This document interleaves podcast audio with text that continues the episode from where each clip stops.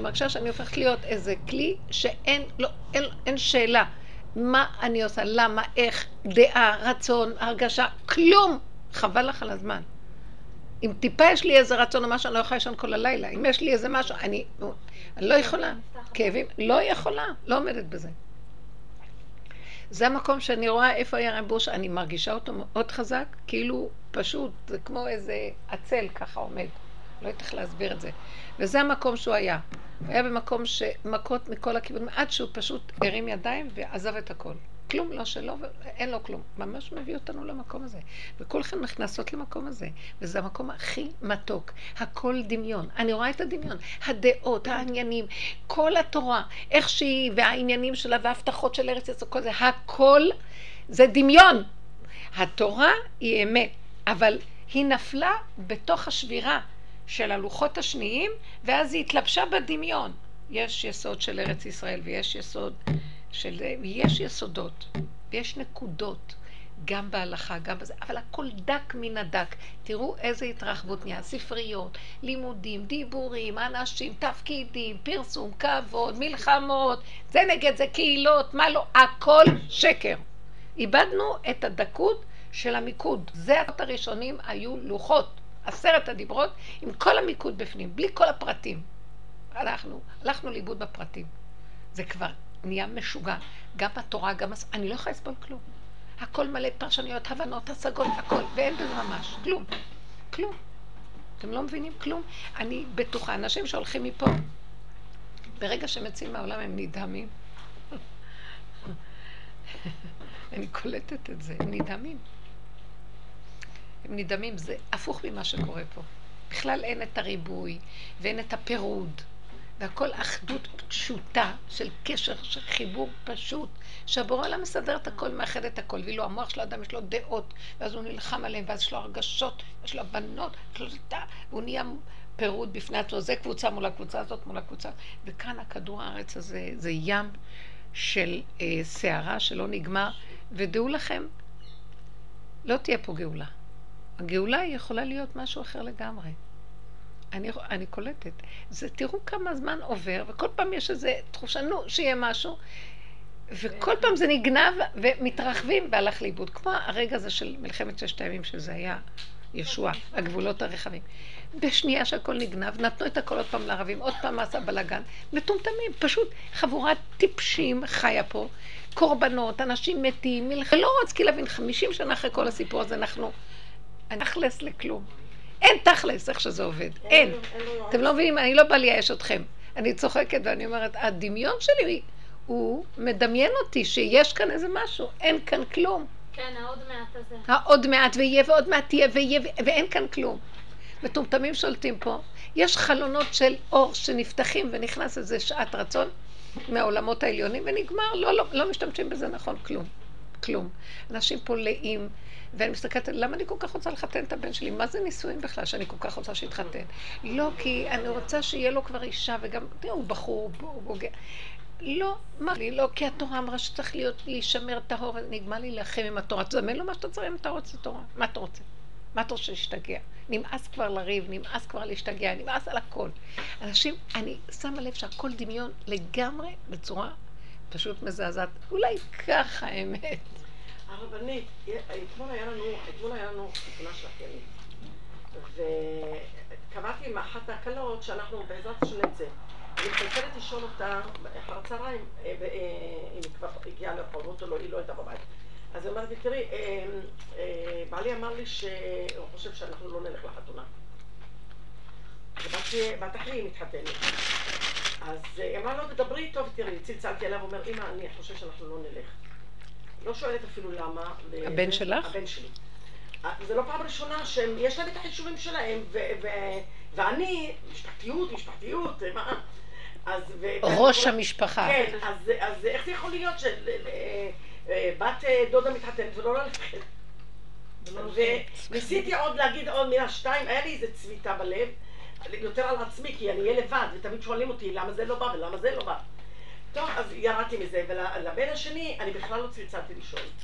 אמרתי, הם אה, בעלי בתים, חשבתי לנסוע עם השנייה, אבל הם נוסעים לבד, כשהם, אה, מתי שמסתדר להם.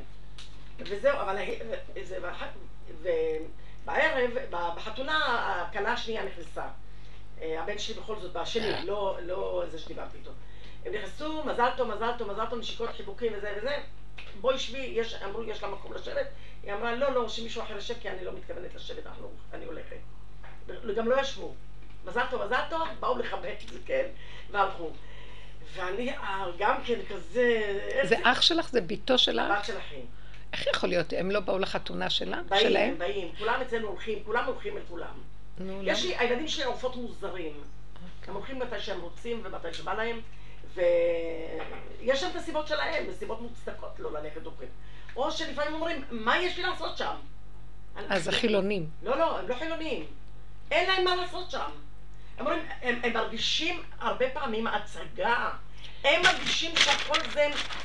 זה לא זה, זה לא, לא זה. זה לא עניין, כי אין להם את המחשבה של מצווה לשמח חתן וכלה. הם אה, שמחים בשמחתם שהיא מתחתנת, קפצו עד הגג שאמרו שהיא מתחתנת.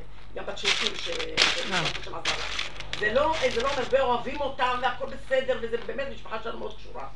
אבל לא, לא בא ללכת, הסיבות שלהם, או אין כסף לתת, או, או מצב רוח, אבל הם בסדר עם עצמם, שהם לא הולכים, אין להם חרבושים, לי יש.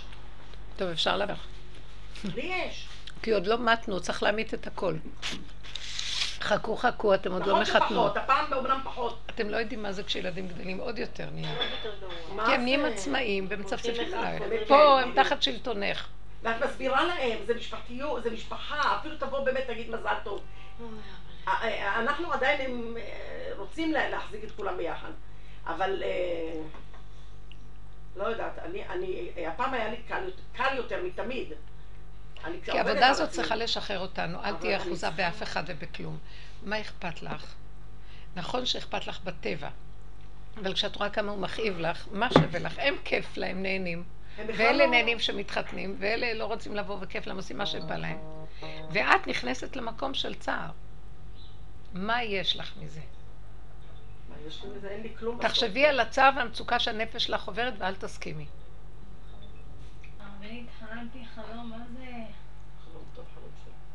כן, אבל אה, בתוך החלום הכנסתי את השיעורים שלך, נזכרתי בכל לימוד מה שאנחנו לומדות כאן, חשבתי שחטפו אותי הערבים, הכניסו אותי לתוך אה, אוטו, שלושה, ערב, אה, שלוש, שלושה ערבים, ואני יושבת בתוך הרכב, ואני אומרת, אבא זה אתה, אבא זה אתה, כאילו כולה, כל השיעורים של הרבנית פישר פתאום נכנסו לי במוח, במקרה הזה, בחלום.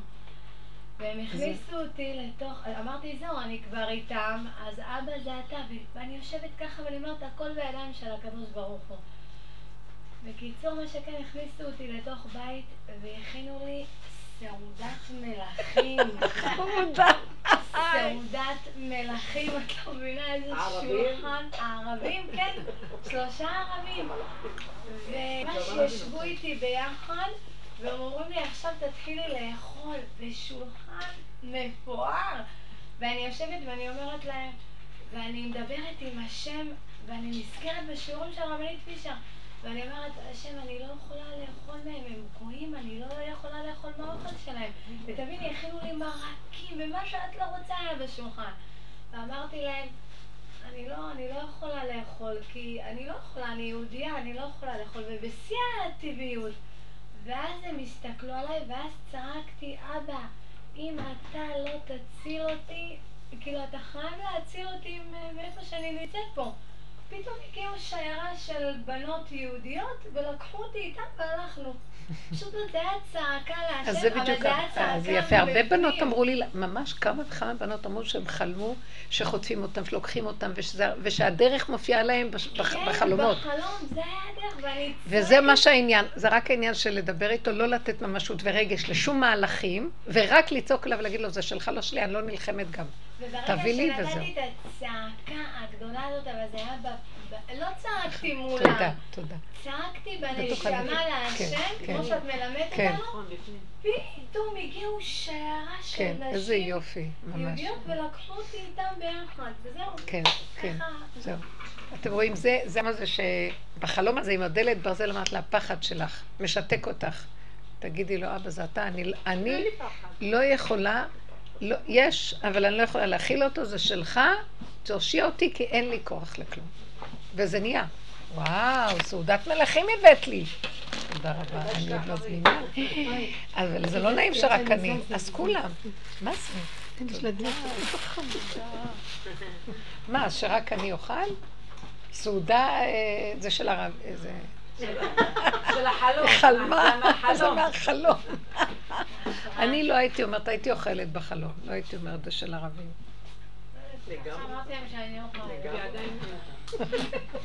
חמודה, אין דבר. לי היה איזה חלום שאני לא זוכרת. וואי, חלומות. הרבנית, אני לא כן, זוכרת. תודה רבה, רבקה. אני לא זוכרת אתם חלומות רוצות מי הרבנית. שרוצה, בבקשה. לא, לא, לא. הרבנית, אני לא זוכרת חלומות, ואני אני לא ישנה הרי, אז אני... יותר מדי לדעתי אני חולמת. אבל היה איזה חלום שהיה לי גם כן איזה אה, מתח וכמו כמו אקשן כזה בחלום, אבל בסוף בסוף, אה, אה, זה עם אנשים, עם הרבה אנשים, כל אחד שהיה בא- באותה סיטואציה יצא עם כמו מסגרת כזאת שהביאו לו, ועם זה הוא יצא. ואז אני מסתכלת, זה ראי. איזה. יופי. כל. אחד קיבל מראה ביד ויצא, ויצא איזה מהמקום. יופי. וזה זה מה שנשאר הדרך. חקוק בסיפור. זה עולם המראות. כאן זה עולם המראות. באנו כאן רק לראות עצמנו. הכל כאן רק המראה של עצמנו, ותדעו, אין עולם, ויש רק אני וגם אני לא קיים. רק דרך זה אנחנו מפרקים את הכל והולכים למהלך של החיבור עם האין סוף. כי הכל דמיון. זה מזעזע שבני אדם חיים פה. כמה סבל, כמה עמל יגיעה, טרחה, לחץ, מתח, כאבים. בשביל מה? בשביל מה אדם חי? כמה סבל. למה הוא? עובד ועמל כל כך הרבה? יש לי שאלה מה זה לא קשורה, אבל כאילו היא זורקת אותך עכשיו בקצה השני. אם הכל גם ככה כלום, אז למה אני צריכה לחיות את הכלום? למה שאני לא אחיה בעולם רגיל וזהו? מה, למה? למה שאני לא אחיה בעולם רגיל וזהו? אם גם ככה אין כלום. ואני יוצאת לכלום. היא לא אז מתקדמת. למה שאני לא אחיה בעולם רגיל וזהו? בואי. לא באמת, אני סתם שואלת רגע, שאלת שאלה? באמת. לכי על זה.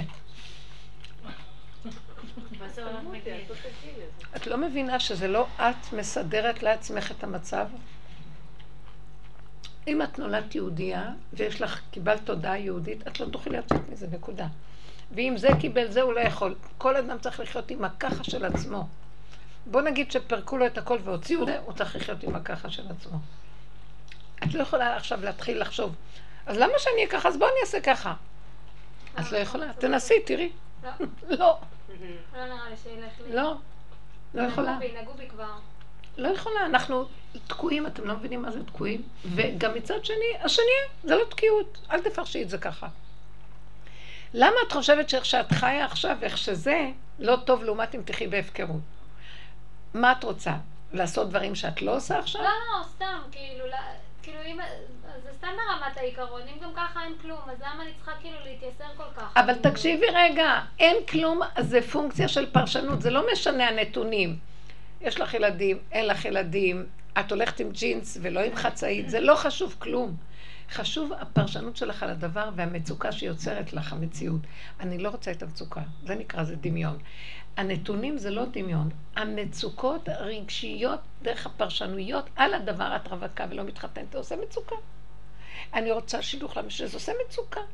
לא רוצה מצוקה. מה אכפת לך? חוץ מזה, אם אני אוכל לחם אה, אה, עם הכשר או לא, זה כבר דבר אחר, זה לא קשור אליי בכלל. זה קפא על היער כגיגית, מה זה קשור אליי בכלל? זה עוד יותר ממחיש לי שלא קשור לי כלום. אנחנו צריכים לקיים את המצוות בלי קשר רגשי בכלל. לא כי אנחנו מבינים, אנחנו מתרגשים, כי אנחנו מצטרפים לכבוד דוי, מה פתאום? כלום. אין לנו ברירה, אין לנו בחירה, כפלנו כגיל. מתי מופיעה הבחירה? יש עץ הדת, יש פרשנות, מופיעה הבחירה. יש עץ הדת טוב ורע, והפרשנות שלו מופיעה הבחירה. עכשיו, נגמר לי מהטוב והרע. אני עברתי את קהלת, נגמר לי הכל. אני לא יכולה לפתור את עצמי משמירת שבת וכל... אז אני עושה את זה כאילו, מה, מישהו שואל אותי, מה אכפת לי אם אני אה, אדליק את האור, אני לא אדליק את האור. מה זה משנה לי בכלל? מה משנה לי? לא מושך אותי כבר כלום. הנגיעה בנקודת האמת שאין כאן כלום, מפרקת לך גם את התאווה לשום דבר. את לא מבינה? כי זה עוד היצר אומר, אין כלום. אז מה אכפת לך? מה אכפת לך לחצי איתו ג'ינס? מה משנה? כי הוא אומר, אה, זה יפה, הוא מתחיל לפתות אותך. הוא מת.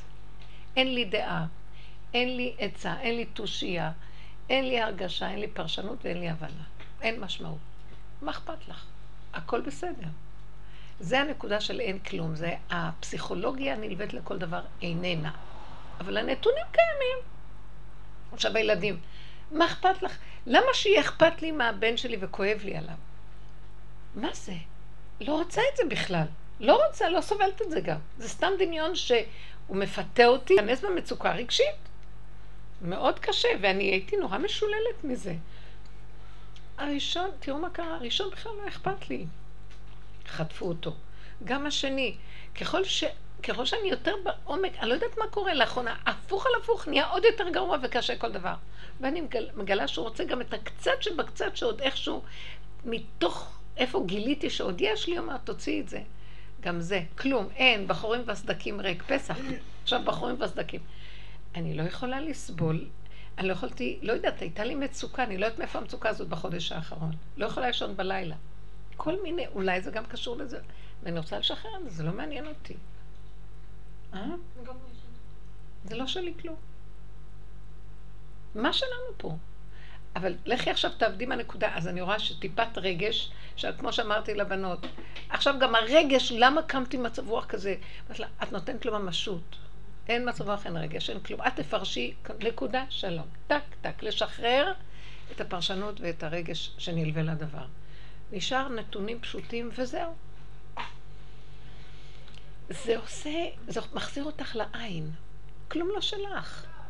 מה זה העין פה? את רואה שיש בקבוק. העין זה ההרגשה, המחשבה, הפרשנות. אין כלום. אין. להתמוסס. חומר זה דבר שנוצר כתוצאה מאיזה, יש לו איזו התגשמות חזקה בבריאה של ריאקציה, של חיבורים, של יסודות. אני לא יכולה לשחרר חומר, להגיד אין חומר, אבל את המחשבה את יכולה לשחרר, אין.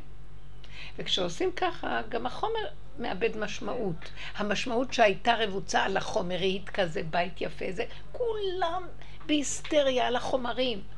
ונקנה זה, ונעשה, ונשפץ, וניסע לחוץ לארץ, ונקנה, ונעשה, מציבות, חגיגות, חתונות, עניין. השתגעו אנשים מלאי דמיון, כולל העולם של התורה ומצוות, מלא דמיון על החומר. משגע. דווקא הייתי אומרת שעולם החומר הוא בדיוק, הוא אפילו יותר גרוע מעולם החומר החילוני. כי עולם החומר החילוני אין לו כל כך דעת כמו לעולם החומר החרדי. כי זה לעומת זה עשה השם. העולם החרדי הוא לא נמצא מעבר לחומר. הוא נמצא בתוך החומר עם חוקים של תורה ומצוות. זה בלי חוקים וזה עם חוקים. זה בטבע וזה בטבע. זה העולם החרדי. זה לעומת זה עשה השם. כאשר לעולם החרדי יש יותר דעת ויש לו יותר דעות. הוא יותר מתוחכם בדעת, אז עוד יותר החומר מסוכן אצלו. כי הוא יודע יותר, הוא יתאווה יותר, הוא ירצה יותר. אתם מבינים? לכן כשקורה משהו הוא צריך יותר להיזהר, כי עכשיו האינטרנט, אם הוא ייפול אצל חילוני זה לא נורא, ייפול אצל חרדי אוי ואבוי. אם חרדים מתחילים לראות את העולם ולרצות, לא, תעצרי אותם מלנסוע לחוץ לארץ ולהיכנס בתוך החומר. הם בכל העולם נמצאים, במסעדות, איפה לא את לא רואה אותם. הם הראשונים בכל דבר עכשיו. בבגדים, בזה, ככה וזהו. כי החומר כי הדעתנות יוצרת מציאות של דמיון יותר חזק, זה דעתנות שמוציאה משמעות, פרשנות, התרגשות, ועוד יותר קשה מאדם אחר בחוץ. כי לאדם בחוץ אין לו דעת כל כך, אין לו משמעות כל כך גדולה. הם מתרצים, הם שואלים ומתרצים לעצמם... אבל גם שמה הכל נופל, הרבנית. אצל זה שמה. היום, גם אצל החילונים, כולם... חילונים נופל יותר מהר. החרדים קשה להפיל. את יודעת, יש לי בת דודה שממש אני מדברת איתה, אני יושבת איתה על הדרך, היא פשוט אומרת לי, אודליה, אני הייתי שנים אצל פסיכולוגים, אני רק יושבת והם כל היום רק מפהקים לי. אני מספרת, מספרת, מספרת, מספרת, והוא מפהק, מפהק, מפהק, בסוף תשלם. והיא חוזרת עם הכאבים, והיא עברה לשמנים, והיא עברה לכל מיני דברים, לצמחים, לכל הזה, שום דבר. רק שיחה איתי, חמודה. אין כלום. לומדות פה. תגידי לה, מותק, אין לא כלום. הכי פשוט, פתאום. מה, את בטוחה שאין כלום? אין! אין כלום, ככה אני אומרת לה, אבל אין כלום, היא לא... זה לקח לה זמן להבין שאין כלום, אבל פתאום היא הגיעה לנקודה, אין כלום. אז מה עשיתי כל השנים האלה? לאן זה? הנחי- הנחנחים, יש להם את הבסיס הזה בתוך כל הריקוד, הם מהבלים את העולם. העניין של הנחנחים. המסר של רבי אודסר זה כאילו אין כלום. אז הם הכי בסדר, לא? אה? אז הם הכי בסדר. אני לא יודעת, יש להם את הרעיון בסדר, יכול להיות שגם הם רבים, וגם להם יש בעיות, אני לא יודעת, אבל... לכן הם גם אוספים תרומות כל הזמן, והם לא מתביישים לקבץ נדבות. הם כולם מקבצים נדבות, גם הנשים שלהם. לא מתביישים. אין להם את הגאווה הזאת. לא יודעת, חמודים, עושים כזה שטויות, ריקודים של שטויות. אבל לכי תדעי. למה שטויות? הם עושים מאוד שמח, הרבנים. לא, זה נקרא מילתא דשטותא. משתתים, כן, כן. כאילו, הם ממש עושים שמח, אנשים באים, מתקהלים סביבה, חבל על זה. אחר כך הם הולכים אה, מיואשים שלא הספיקו לאסוף מספיק כסף. כן, שמעתי שתי נשים מבוגרות שיושבות כמה עשית היום? כמה את עשית היום? רק שמעתי את זה. בכותל יש כאלה, אל תיתנו לה, תביאו לי. כן. היא כבר קיבלה. חמודות. כן, אבל תראי, יש גם כאלה. תראי, זה נותן להם חיות, מה הם יעשו בבית? הם רבות וזה. הכל צחוקים, גם לא להצטער על כלום, כי הכל צחוקים. מתוקות. בשביל מה לקחת את המציאות הזאת ככה?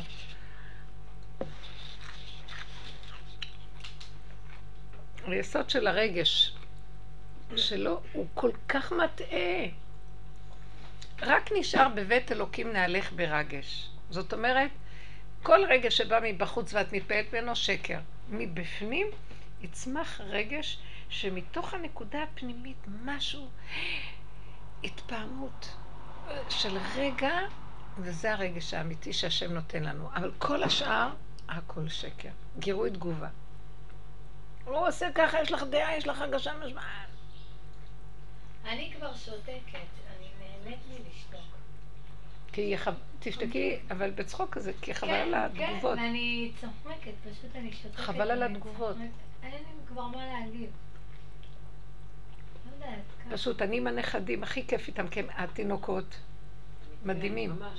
הם פשוט, התמימות והפשטות, אין, אפילו אם הם רוצים איזה משהו, הם צועקים אחרי רגע, את מסיחה את דעתם בשנייה, נגמר להם, אין להם אחיזה בכלום.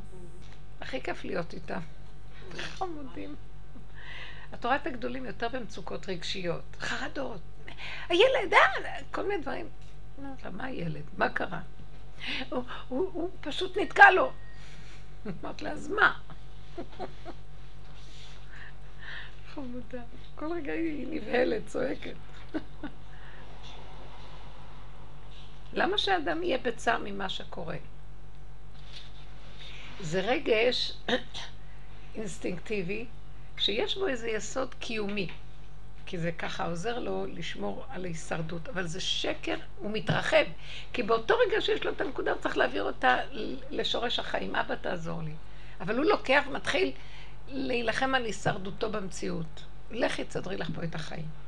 מה שאת לא עושה, לרפד אותם, פה חור, פה שבירה, פה נפילה, פה נכנסו, פה יצאו. את לא יכולה. מסכן הבן אדם. מלחמת קיום אכזרית טיפשית, חבל להילחם על כלום. בשביל מה אדם עובד כל כך קשה? למה אנחנו עובדים? בשביל מה? אפשר להתקיים גם בלי כל זה. אם זה הקיום, גם, גם לגדל ילדים. כל תינוק בא וכיכרו בידו. אם היינו מחוברים לנקודת האמת הפשוטה, שקודם כל אני, ואני לא רוצה לטרוח ולהצטער על כלום עם הדפוס החשיבתי של התבנלה של העולם, אז לא היינו עמלים כל כך קשה, והילדים היו אוכלים וקיימים, אוכלים ועושים דברים. הסדר במוח כל כך, העולם כל כך מסודר, חייב וחייב וחייב, וזה, הכל תבניתי ומסודר, וכמה מאמץ עמל והגיע לסדר את המוח. תקשיבו, אתם לא מבינים שפה יושבת אה, ספריית תבניות, ואת לוקחת את החיים שלך, ואת משתחווה לה. משעבדת את עצמך אליה, כאילו, מי בכלל? את החי... החיים, מוציאה את כל אנרגיית החיים בשביל איזה ספרייה, שהיא רק מושגים, ואת משתעבדת להם. שמתם לב את המהלך? במקום שהמושג יעזור לך, את משעבדת את כל קיומך לעניין של הדת. זה הדור האחרון, עץ הדת לגמרי גנוב פה הכל, הכל. כולם עם האייפונים האלה. שאת לא הולכת, אני נוסעת הרבה, אני פשוט, זה לא נורמלי. אין בכלל.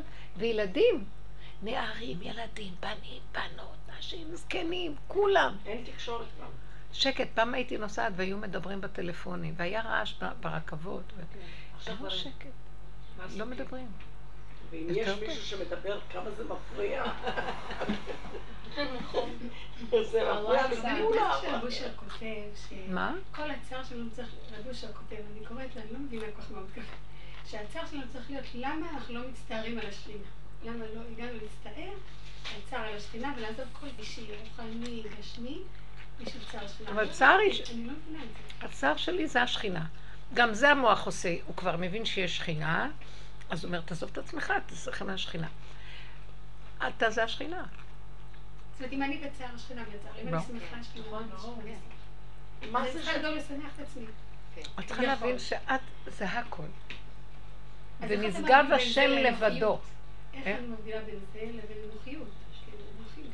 בשביל זה אנחנו עובדים כל כך הרבה שנים, להכיר את כל הפגמים והגנבות שלהם.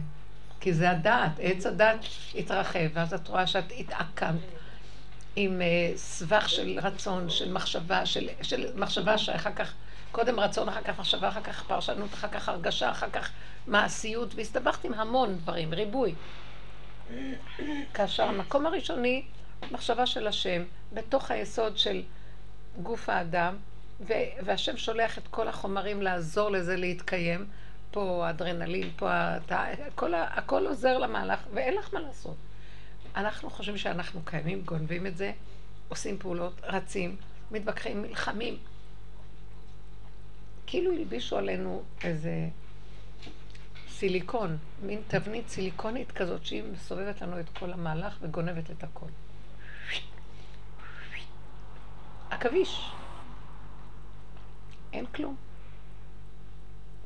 אז כשזה פשוט שאין כלום וצינור, זה נקרא שכינה. אנחנו צינור לאיזה אנרגיית חיים שעוברת דרכנו, ויש לו לצינור הזה שלוש מחלקות במחשבה, באזור של הרגש, שזה העניין של ההתפעלות, להפעיל את המחשבה שיהיה לה כוח להתקיים, ואחר כך ההוצאה לפועל בפעולה. זהו. כמה גנבות יש במחלקות האלה? המחשבות וריבוי המחשבות והבנות והשגות. את מפרשת את זה, נותנת לזה משמעות, ואחר כך הרגש, כמה הרגשות.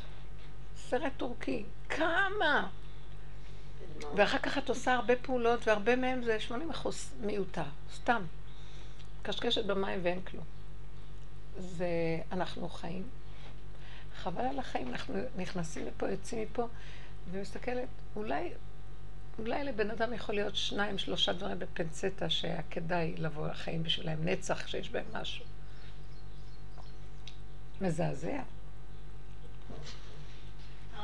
למה כל קהלת בנוי על הבסיס הזה? מה יתרון לאדם מכל עמלו אשר יעמול תחת השמש?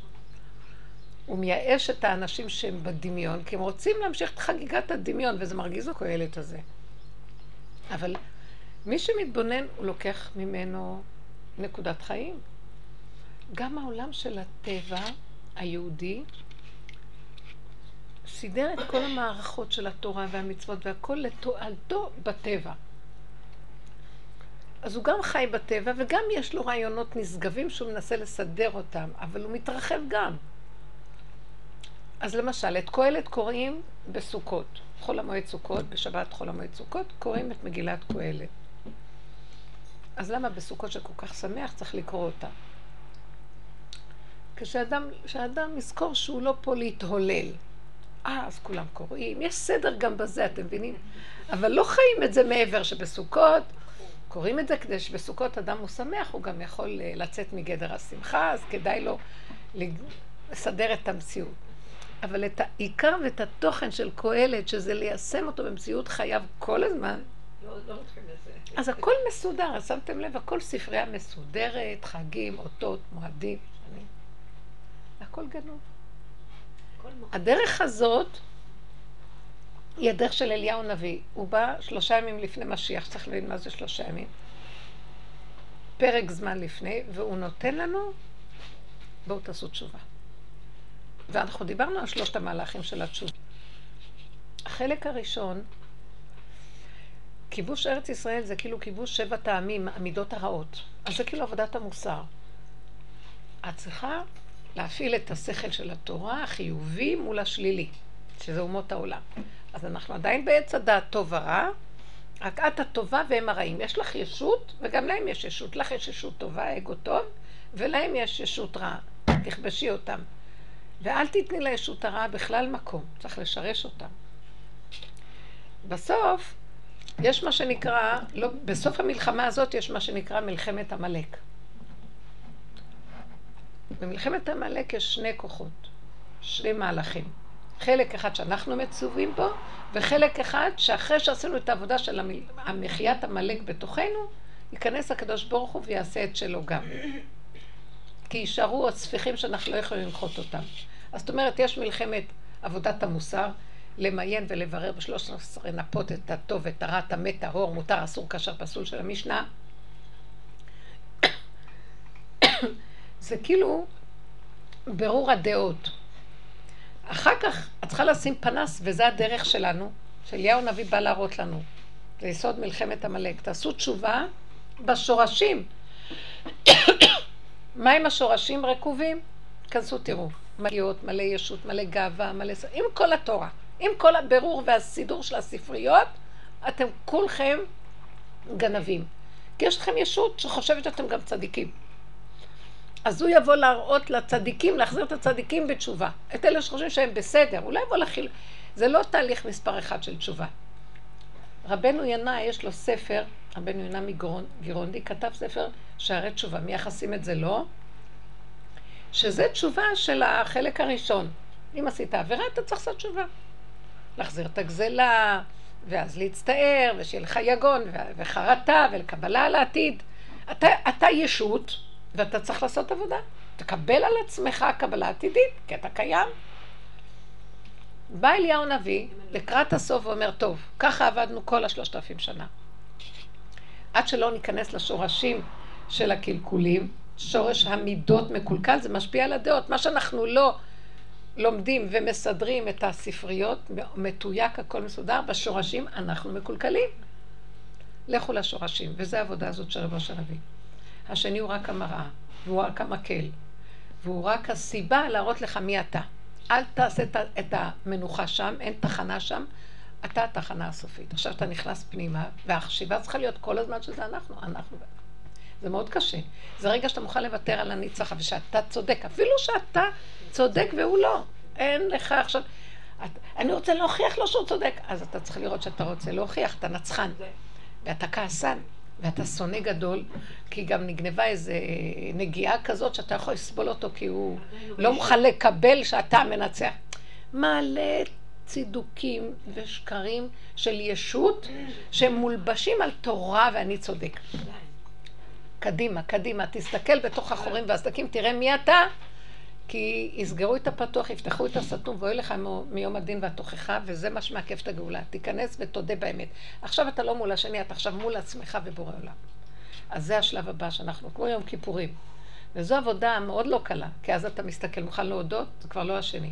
יש לך כאבים שאתה נראה ככה, כי זה עדיין גנוב לך שאתה צריך להיות חיובי וצדיק, איך אתה נראה. עכשיו אתה צריך לעבוד על זה שלא תישבר. תראו, זו לא עבודה קלה בכלל, זה מחיקת האגו. זאת אומרת, מחיית עמלק. מחיית עמלק זה כמו אבק שאת צריכה כל הזמן להזיז, כי אין כלום, זה דמיון. זה מלחמה דמיונית, רבותיי, זה מלחמה של ישות עם עצמך, והרגשות, ואת מתה, ואת קמה, ודמיונות, ואת לא יכולה לישון, ולא נשפכה טיפת דם, ואת חיה ומשמינה גם תוך כדי. לא קרה, לא מתת, ואדם מת.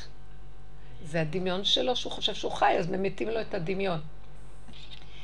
אחרי שהוא עושה את כל העבודה הזאת, זה מה שאמרת להם במוצאי שבת. אני עוד רואה, אמרתם, אנחנו כבר גולם, אבל הגולם הזה קם, אין לו כוח, אין לו כלום, ופתאום הוא חלם חלום כזה, אז הוא, יואו, יש לו מצוקה מהחלום, אמרתי להם, אין גם את זה!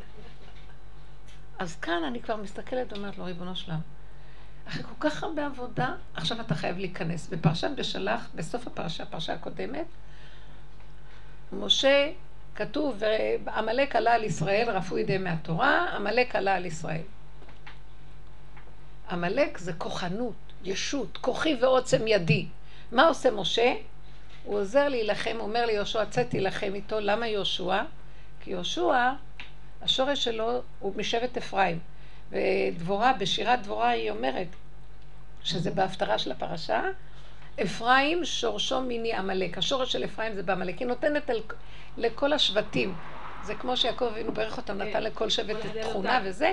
אז אומרת על אפרים, שורשו בעמלק. הוא זה שיעשה את המלחמה של עמלק. אז, אז משה אומר ליהושע, שהיה משבט אפרים, צא להילחם בעמלק. עכשיו, מה עושה משה לעזור לו? משה מרים את ידיו. וכאשר משה מרים ידיו, ישראל גובר, וכאשר מוריד את ידיו, כי הוא לא יכול להחזיק את זה כל כך הרבה זמן, אז עמלק גובר.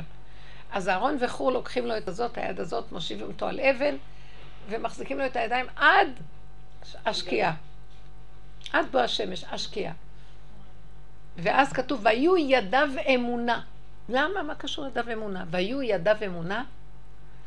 זאת אומרת שהמציאות של ידיים כשהן מורמות להשם זה כאילו אני נכנע, כל הכוח, כל הישות, שזה עמלק, כל העוצמות הדמיוניות של הבן אדם בקול שלך. אין לי כלום פה בעולם הזה. אז ישראל גברו על העמלק. זאת אומרת, המחייה, אז עכשיו, עם כל זה, מה כתוב? ויחלוש יהושע את עמלק. הוא רק החליש אותו, אבל הוא לא גמר עליו.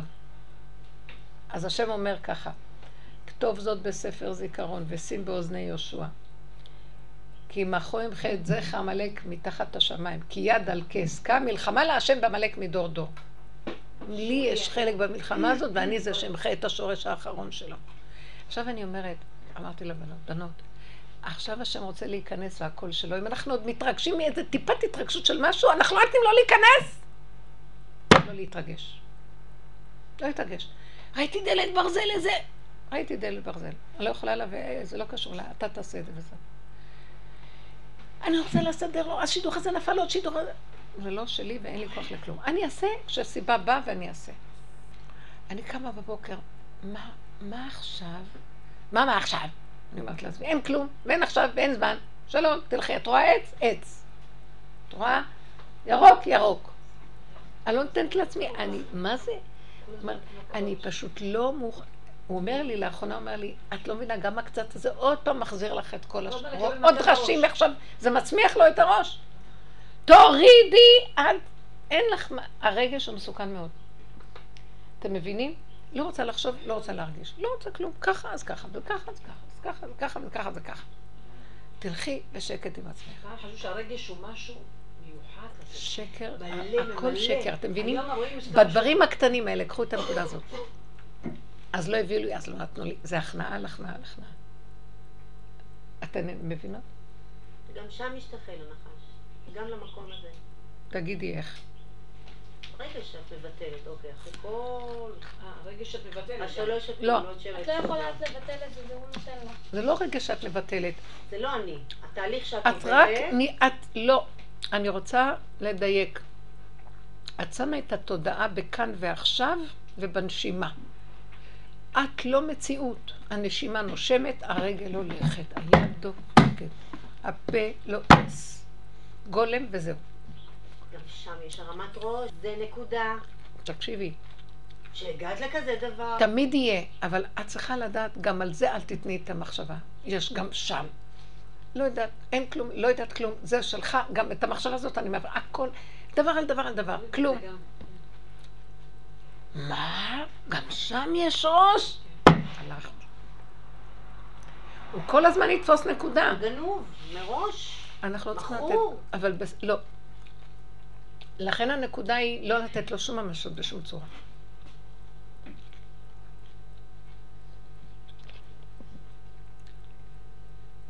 תראי, זה קשה, אבל החיים הם מטומטמים וטיפשים והם לא קיימים. ככה תלכו, לא קיים כאן כלום. התייאשתי. זה הנקודה ש... אבל זה לא ייאוש, זה לא ייאוש רע. כמו שאומרים, אה, בעל האבדה התייאש מאבדתו, ייאוש מה- מה- מהאבדה. ייאוש שלא מדעת. אין לי דעת. ייאוש שלא מדעת. כי אם יש דעת, אז ייאוש לא טובה. ייאוש של עץ הדעת. זה ייאוש שלא... לא, אין לו, לא יודעת, לא יודעת. ייאוש שלא יודעת. ייאוש יודע. שאני לא יודעת. לא כמעט יודע. שאני לא יכולה לקבל את זה. כל השאלות שנשאלה, או. כל האנשים סביבי, לא יודעת, אין לי תשובות, נגנב לי הדעת. אין, לא יודעת, אין כזה דבר שאת לא יודעת. תשעה קבין אני לקחתי. פתאום את לא יודעת, אני לא יודעת. זה לא ייאוש שפתאום יש חלל ואת כלום. ייאוש זה הסכמה לוותר שאין כלום. בדיוק. זה נקרא ייאוש. זה הנקודה. אבל גם שם משתחרר נחש. כי אין לזה סוף. אין. אני אז גם לא הכל רוצה... מכור. אני לא רוצה לפ... רבאק, אז מה? לא. לא, לא, אז היא אומרת לך, אל תתייחסי גם לזה. לא. מקום. לא, יש מקום שאת ממשיכה להגיד גם שם הנחש, יש מקום שתפסיקי כי זה כבר לא שלי. מה שרוצה שיעשה. אם הוא בעצמו הנחש, לא אכפת לי גם. זה כבר לא שלי כלום. לא, זה אני עמלק, זה כבודו לא. זה לא. כבר. עברנו, עברנו את זה גם. זה ברור. כל המחיה שעשינו קודם ראיתי שהכל אני, זה לא השני בכלל. עכשיו, איך אני אפטר מזה כשזה אני? זה חלק אינטגרלי ממני, מה זאת אומרת? לא. אין להיפטר מזה. הפרשנות שלך שזה את, גם זאת תיפסק. כי אין כבר כלום וזה לא אני, ולא אכפת לי. אפילו אם, אם קם איזה דחף יצרי, גם כן לא אכפת לי, זה לא, ש... זה לא אני. עובר דרכי משהו, זה לא פרשנות של אני. שם צריך מאוד להישאר בנקודה. אז לוותר מהר על ה... זה מהר. גם זה נחש. כן. זה נקודתי. זה לא... נקודתי זה מאוד. נקודה של חשיבה, נשימה, לשחרר. כן. ולהתאמן על זה. ברור. כי עוד פעם זה יכול להיעלם, ועוד פעם הישות קופצת, כי זה ארץ הישויות. פה זה, הוא בעל הבית פה. את לא יכולה להילחם עם... לא אי אפשר. לכי לאמריקה ותגידי להם, אה, דברי סינית, וכולם ידברו רק סינית. לא יכולה לש- לשנות, זו השפה שלהם, זו הנקודה, הנקודה שלו. אבל צריך להיות החלטי, וזה מה שאני אמרתי. אנחנו פשרנים. אנחנו, מה, אז מה את רוצה, שאני לא אתרגש? אז מה, אבל ככה זה הבן אדם. עושים לעצמנו הנחות. הנחות, זה מה שצעקתי. חוזק נו הלב. כבר, נו כבר, נו. כולנו ככה. גם אני אכין לילדים, גם יהרגו אותי, גם אני אתן להם, גם, אין, גם וגם וגם, ואני עוד אצטער למה שזה ככה. ראיתם איזה דביל? מלך זקן וכסיל מפתה אותי עוד להצטער? למה הם לא באו לחתונה? אין, אין, זה אנוכיות, אבל היא לא אנוכיות, היא נקודה של רק אני בעולם ואין עוד מלבדי. ויוותר יעקב לבדו, ואז ונשגב השם לבדו. יעקב אבינו, הוא נלחם עם המלאך. ויאבק איש עמו. תקשיבו רגע, יעקב לא נלחם, המלאך נלחם איתו. הוא ראה את המלאך, ראה דמות, והוא אמר, לא אתן לו ממשות. אז הוא נלחם עם הנפש שלו לא לתת ממשות לדמות. הוא לא נאבק עם הדמות. הוא פשוט נאבק לבטל את הישות. כי מלאך זה דמיון. זה דמיון, זה אוויר. כשהוא לא נתן לזה כוח, הוא יכול היה לגבור עליו. הוא לא נאבק איתו, אה, אה, התגוששות. הוא נאבק עם היסוד של עצמו, מי זה הבן אדם? מי זה, מי זה הדמות הזאת שבאה לי עכשיו? אז הוא אמר, זה כמו שעם החלום שלך, הם לא קיימים, אבא זה אתה. היו לי כמה אנשים סיפרו לי שבמצבים הכי קשים, הם פשוט מיד על מקום אמרו, אבא זה אתה. תציל אותי, אבא זה אתה. זאת אומרת, הוא אמר לרבנו שלום, אתה רוצה, אני מת עכשיו, הוא מתגבר עליי, אתה מפסיד. אני לא פראייר להשתגע, אני יכול רק בשב ואל תעשה, ול- ולהיות חומה, לא לתת לו להשפיע עליי, לחשיבה, על החשיבה. זו הייתה מלחמת חשיבה. זה היאבקות בנפש. מה, מה הוא צריך להיאבק עם מלאך? מה? זה היאבקות בנפש. לכן הוא נגע בו בגיד הנפשה. גיד הנשה הוא קשור לגיד הנשייה, שכחה. הוא פשוט לא רצה לזכור שהוא מציאות. אתם מבינים? הוא לא רצה, יעקב אבינו אמר, אם אני ירגיש שאני יש ואני אני, הלך עליי. הוא ינצח אותי. דומה בדומה מתקן. הוא לא מציאות ואני לא מציאות. אז השם איתי ויעזור לי יותר. אני כתבתי מאמר על זה, מפרש. כן, יהיה בספר המאמר. כן, כי באיזשהו מקום אני, אני לוקחת נקודות מהתורה, והדרך הזאת פותחת לי. אנחנו לא מפרשים את זה בדקויות. כי, סליחה, ביקש יעקב לשב ושלווה. אתה רוצה שלווה? בתוך רוגזו של יוסף יש שלווה. אתה רוצה שאני אסדר לך, תזיז את העצבים, תביא שלווה. זה עץ הדעת טוב לא. אתה רוצה שלווה אמיתית, היא שלווה נצחית. בתוך הרוגז והסערה אין רוגז, אין סערה. שב בתוך הסערה ותגיד, אין. זה קשה, כי יש רוגז. אבל תגיד, אין, אין, אין, אין, יבוא לחתונה, אין חתונה, אין כלום, אין ילדים, אין כלום, אין אף אחד. אין דלת ברזל, אין, אין, אין! אין כלום! תראו, זו דקות שאנחנו לא מצליחים להביא אותה לתורה ולפרשנות ברובד של הגלות. ואלה הפירושים שבאים מהדרך, הם, מתק... הם כל כך מזככים ומעבירים אותנו לרובד של ממש כמו האור הגנוז. זה המדרגות הפנימיות שבאמת הם היו גדולי העולם האלה, שדרכם עברו ישועות כאלה. כי הם היו במקום הזה. הם הבינו. יתנו נקודת ממשות הלך עליהם.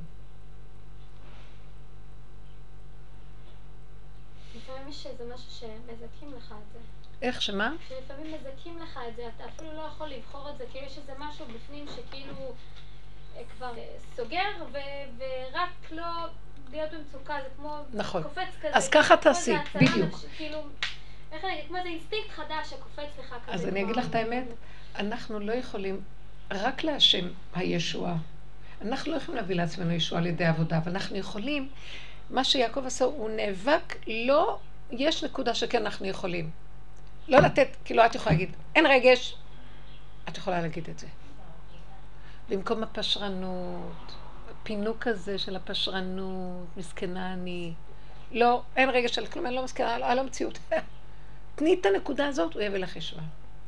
הוא נכנס ועושה את הישועה, אבל את צריכה לתת לו את המרחב הזה, את המרכיב הזה, כדי שהוא יוכל להיכנס. וזו עבודה שלנו עדיין. כי כבר כמעט נגמרה עבודה, זה כבר עבודה על עבודה, כבר נגמרה עבודה. אבל יש עוד נקודה דקה. אה, בואו נלך עם זה עד הסוף. כי לפעמים בא לי, הייאוש של עץ הדת יכול לגנוב אותי, אין ייאוש, אין כלום. תתייאשי, תתייאשי ייאוש יותר גבוה. אני עוד מעט תהיה משוגעת לפי הצחוק הזה. אין כאן כלום. על מה אדם עמל, רץ, טורח, כל החיים שלו צובר כסף, קונה, מוכר, יורד, נופל, קם. כלום אין פה! טיפש! זה כל קהלת מדבר על זה. קהלת הוא היה חכם. זה כל אדם. מה יתרון לו לעמלו שיעמול האדם תחת השמש? אין לו יתרון. למה ישאיר את מה שיש לו למישהו אחר? מי יודע מה הוא יעשה עם זה? כל עמל שהוא עמל פה, יבוא איזה קל דעת מטומטם, יוציא את זה בבילויים, ברגע אחד נגמר הכל. למה אני עמל? הוא ראה את הדברים האלה. הוא דיבר מדברים שהוא רואה, הוא היה חכם שהתבונן בכל דבר, ואיזה דקות הייתה לו, של הכרה. עב- עבודה, הבנת נפש מאוד עמוקה. הרבנית, ככה הרב גושר היה מדבר איתכם? מה שאת מדברת, כאילו, ככה היה מעביר לכם את השיעורים? אני לא קיבלתי ממנו דיבורים. אני, הוא דיבר איתי בנפש. אפשר להסביר את הדבר הזה. הייתי, זוכ... הייתי באה אליו, מדברת איתו אה, על המוסד, על העניינים, אומר לי חצי מילה, רבע מילה, מסתכל עליי, הולכת. בלילה הייתי מרגישה שאני יושבת במטיפתא דרקיע ולומדת עם. עם, עם ישיבה. קשה. הדרך הזאת היא לא של רב אושר, היא דרך שקיימת, היא דרך של משיח. יש ישיבה כזאת שלומדים אותה בשמיים, והוא הכניס אותי לישיבה. והוא ידע שמהשורש שלי אני מתאימה לזה, אני אוהבת, אני אוהבת את החוכמה. אני מאוד אוהבת חוכמה. והוא הכניס אותי, אז האדם הזה גם היה שייך לזה, מבינה? הוא פשוט. היה, הוא פתח לי את הדלתות, כי הוא הגיע לזה קודם. וכשהוא נפטר, אני זוכרת שכולנו עמדנו שם ברחוב והביאו את המיטה מבית החולים. היינו בבית חולים, ואחר כך הביאו את המיטה לבית שלו.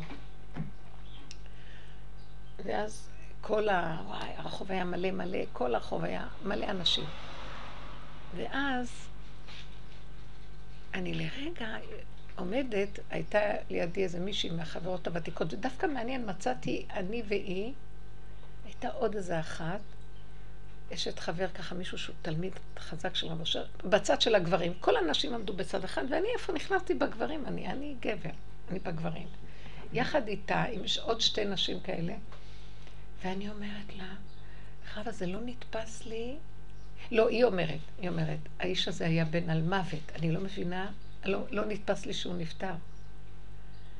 ואז אני אומרת לה, חווה, עזבי, אני לא תלויה בדמות, אני לא מבינה מה יהיה עם הדרך עכשיו, מה שאכפת לי זה רק הדרך. אמרתי לה, הדמות, היא לא מעניינת אותי, כי הדמות חייבת קיימת, הוא לא נפטר, הוא בן, בן על מוות. אמרתי לה, אבל הדרך, מה יהיה עם הדרך? ואז הייתה לי כזאת צעקה, בדיוק הוציאו את המיטה, נהיה שקט, את לא מבינה, אז רואים מה זה מרכבת השם, השם מתגלה. את לא מבינה, היה רעש, היו דיברו, נשים דיברו, כולם דיברו. פתאום איך שהוציאו את המיטה, אני לא ידעתי שהוציאו את המיטה. אמרתי לה, עכשיו המיטה יוצאת. זה כאילו המרכבה של השם, עכשיו שהשם מתגלה, המלכות של השם. שקט, דממה. את לא מבינה, מתן תורה, דממה. ואז אני אמרתי פתאום, יצא לי כזאת תפילה, יהי נא פי שניים ברוחך אליי, חבל על הדרך. שהיא לא תלך לאיבוד. כי לא, אתם מבינים, אני הייתי קשורה איתו ביסוד של הדרך. אני מאוד אהבתי אותו, היה דמות מדהימה, אבל הוא כאילו לא נתן לי אחיזה בו, מאוד מאוד uh, סילק את הצד הרגשי, וגם אני לא הסוג שנטפל, מחפשת את, הר... את הצורה של הדמות. את החוכמה שבדבר, את הנקודה שיש מה לקחת מהדבר. היו הרבה כאלה שבכלל לא ידעו שיש לו דרך. אני חושבת שהדיבורים שאני התחלתי אחרי זה לדבר עוררו אותם שיש דרך חוץ מהחבורה הפנימית שלו, שכן הייתה בדרך. קבוצה קטנה קטנה מאוד מאוד פנימית, אבל המון אנשים מסביב בכלל לא ידעו מה. מעניין. אז לא היית הולכת לדרש. אבל הוא היה בדרך, הוא כולו היה, הוא היה האמת לאמיתה. הוא יסוד משיח. אליהו נביא ומשיח. הוא הביא את המהלך הזה של ללמד את הדרך, ואחר כך את היסוד של, היסוד של המשיח. זה כאילו הקיום של הדרך בפועל ממש. זה יסוד משיח. כי אליהו נביא ילמד את הדרך, ואחר כך הוא גם והמהלך של משיח זה לחיות אותה, לקיים אותה לגמרי. שזה דבר אלוקי, אי אפשר לקיים אותו בטבע, את הדרך הזאת. זה אלוקי. רק השם יכול לזכות לנו לקיים. אבל את נותנת את הנקודה האחרונה. זה המחיית עמלק שאנחנו מצווים לה, תכירי, ההכרה והדיבור, תכירי, תראי, תראי, תסתכלי על המראה, תראי מיד. מה את אומרת עליהם? מה את אומרת עליהם? את יודעת מה? בואו ניקח את הסיפור שלכם מהילדים שלא באו לחתונה. תסתכלי איך הדור שלנו נראה, ותראי אותם. אנחנו רוצים שליטה משפחתית, ושהאימא הגדולה לוקחת את כל הטלאים שלה ומסדרת אותם, ומי יבוא ומי לא יבוא שיהיה זה, וכותרת ומשפחתיות. והם צפצפים, חיים, הדור החדש, חי, נהנה, לא בא לו, בא, לא בא לו, לא בא. מה מעניין אותו בכלל? כולם רוצה לחיות לעצמו. אה, היום זה הגילוי של היחידה, בשיא הנוחיות, בלי עבודה. ממש התמונה של המלאך של היחידה, אבל בלי עבודה. מצפצפים, מקבלים הכל, גם באים בטענות להורים בגיל שלושים, מה עשיתם בשבילי? יושבים להם בבתים, אוכלים, שותים, וצועקים עליהם, מה עשיתם בשבילי? מה אני חייב לך? מגיל שש היית צריך לעבוד על פי דין תורה. נכון. מה אתה רוצה ממני בכלל? ככה זה הדור הזה. אז עכשיו את יושבת ועוד מצטערת, והם נהנים, אוכלים מה שבא לב, ואת עוד... עכשיו תסתכלי על עצמך, בשביל מה אני עושה את זה? בשביל הדמיון של הגדלות. של השליטה. אני בדיוק כמוך, אם לא יותר. בשביל השם המשפחתי והכבוד. הלאה, הכל שקר. אנחנו מתים על כל הדברים האלה. עולם דפוק, לא שייכת לו. אני, אני יותר ויותר אמרתי, די. באמת, די, כמה מכות אפשר לקבל, וכמה לראות ועוד להתפשר. לא, וזהו, לא. מה אכפת לך? מה נגרם? איך אנחנו אנשים הכי שמחים בבריאה. אלה שבאים לדרך, אנחנו שמחים. יש לנו נקודת שמחה בפנים, למרות כל הצרות והכל שלא יאומן, אנשים הולכים כדרות, יש להם סיפוקים לרגע, אבל מלא כדרות. והם כל הזמן אחוזים באיזה שמחות שתלויות בדבר וסיפוקים וריגושים, אבל באמת קודרים בפנים. אנחנו אין לנו כלום אחרי זה, וכל... אני לא יכולה להגיד לכם בשניות שהלב שלי... הרבנית, הרבנית, מכות, מה חסר לי? תה, מה חסר לי? הרבנית, המצחיק הוא שאני בעצמי, אה, תוך כדי, הגעתי, אה, ככה תוך כדי הסיטואציה הזאת והמחשבה, אמרתי, וואלה, גם לי לא בא ללכת, בגדול. מה, אני מכריחה את עצמי ללכת, כי זה החזיר להם. כן. זה היה מצחיק, ואז תייגתי לעצמי. בסך הכל גם את לא היית רוצה להיות בשום מקום. ממש. אני גם שנים, היה לי את העמותה של החינוך, והיינו מחתנים בנות. כל שני וחמישי היה אצלי או זה שבע ברכות או אירוסין של הבנות. הייתי עושה הרבה שילוחים. שנים, עשרים ומשהו שנה. אח, אני הייתי הראשונה שפותחת את האולם של החתונות, לא היה להם הורים בכלל, אני הייתי צריכה לחתן, לעזור להם, לסדר. אחרי המהלך הזה, לא יכולתי לסבול ללכת לחתונות. אתם לא מבינים? כמות מריבוי ואנשים וחתונות ואירועים, כלום. לחתונה של הילדים שלי, אני רוצה לברוח מיד אחרי החופה, ללכת לארומה לשתות קפה. לא סובלת את האירועים האלה. כי זה המון עבודה לאלה שמחתנים. זה המתח, זה הלחץ. גם נניח שהלכתי אולי פעמיים, אני זוכרת, במשך החמש עשרה שנה האחרונות שהלכתי לחתונות משפחתיות, פעמיים, וישבתי גם לסעודה, כי אני הולכת להגיד מזל טוב שאני יכולה ובורחת, רק לחופה בשנייה. גם ישבתי בסעודה, איזה בזבוז חיים ואיזה בזבוז זמן, חבל לך על הזמן. קשקושים, קשקוש... טוב, תשמחי חתן וכלה, זה כבר לא מצווה בשבילי, לדעת. הכל נראה כזה הצגה, זה יצא מהפרופורציה. אין, אין את השמחה האמיתית. החתונות שאני מחתן את הילדים שלי, עמל ויגיעה. מחייך, חציין. אבל אני מבקשת מהשם אבא, אני לא יכולה להכיל את זה. תיקח ממני את התחושה, תסדר את הכל אתה. הנה הידיים, תלחץ את הידיים, תנשק את אצלנו מברכים, אצלנו המחותנים מברכים, וזה, די, אין לי סבלנות כלום, תניחו לי. ואני גם זאת שצריכה לשלם, ואז אני צריכה לדאוג שהמלצרים ולסדר את הטיפים והכל. אני... אין עמלק יותר גדול מהכוח הזה שיושב פה, תאמינו, כל אני. יאללה, אני נמאס החיים האלה כבר. בשביל מה? כשהם התחתנו ואז אז הם... אה, הם לעצמם, מה יש לי מהם? טוב, הם באים, הם באים, חמודים. באים לאכול, לשתות, לקבל. לקבל טיפ. לסדר נוחיות לעצמם. וזה העולם, ואני שמחה שיש לי מה לעשות בו, ברוך השם. אבל תקשיבו, זה תכלית זה? למה שאני לא יושב רגל על רגל ויהנה וזהו? בשביל מה אני עוד צריכה ללכת להביא קניות? כי מה אני אעשה בחיים? בסדר, אז את עושה את הדברים האלה, נכון? בקטנה, את עושה את הדברים האלה, מה באמת נעשה? אז מה נעשה? נשב ככה כל הזמן? את עושה לא. בקטנה, לא לקחת לעצמך. זה מה ששאלת אותי הבת שלי אתמול. אמא, צריך ללמוד, נכון? אז אנחנו לומדים. למה אני צריכה אבל למרות את עצמי? למה? היא אומרת אמרתי, את יודעת מה? יופי, הגעתי לנקודה טובה, אמרתי לה. בדיוק. ההתרחבות היתרה. יבואו טוב, לא יבואו גם טוב. כן, בסדר, אז אמרתי לה, תלכי. לכי את, את יכולה ליהנות, תלכי. כן, בדיוק. נכון. את יכולה לבוא רק להגיד מזל טוב וללכת, תלכי, בלי ביקורת למה שאני באה, לא הלך, כן, הלך, כן. עשה את זה, מה... ככה. כן, נכון. אם היינו חיים ככה, בלי המוח שנותן פרשנות כן, ו... גם ערכים, זה יותר מזה וזה פחות מזה, ואז אחד מסתכל על השני, ואז מודדים, ואז שוקלים, ואז ביקורת, ואז מה? החיים היו טובים.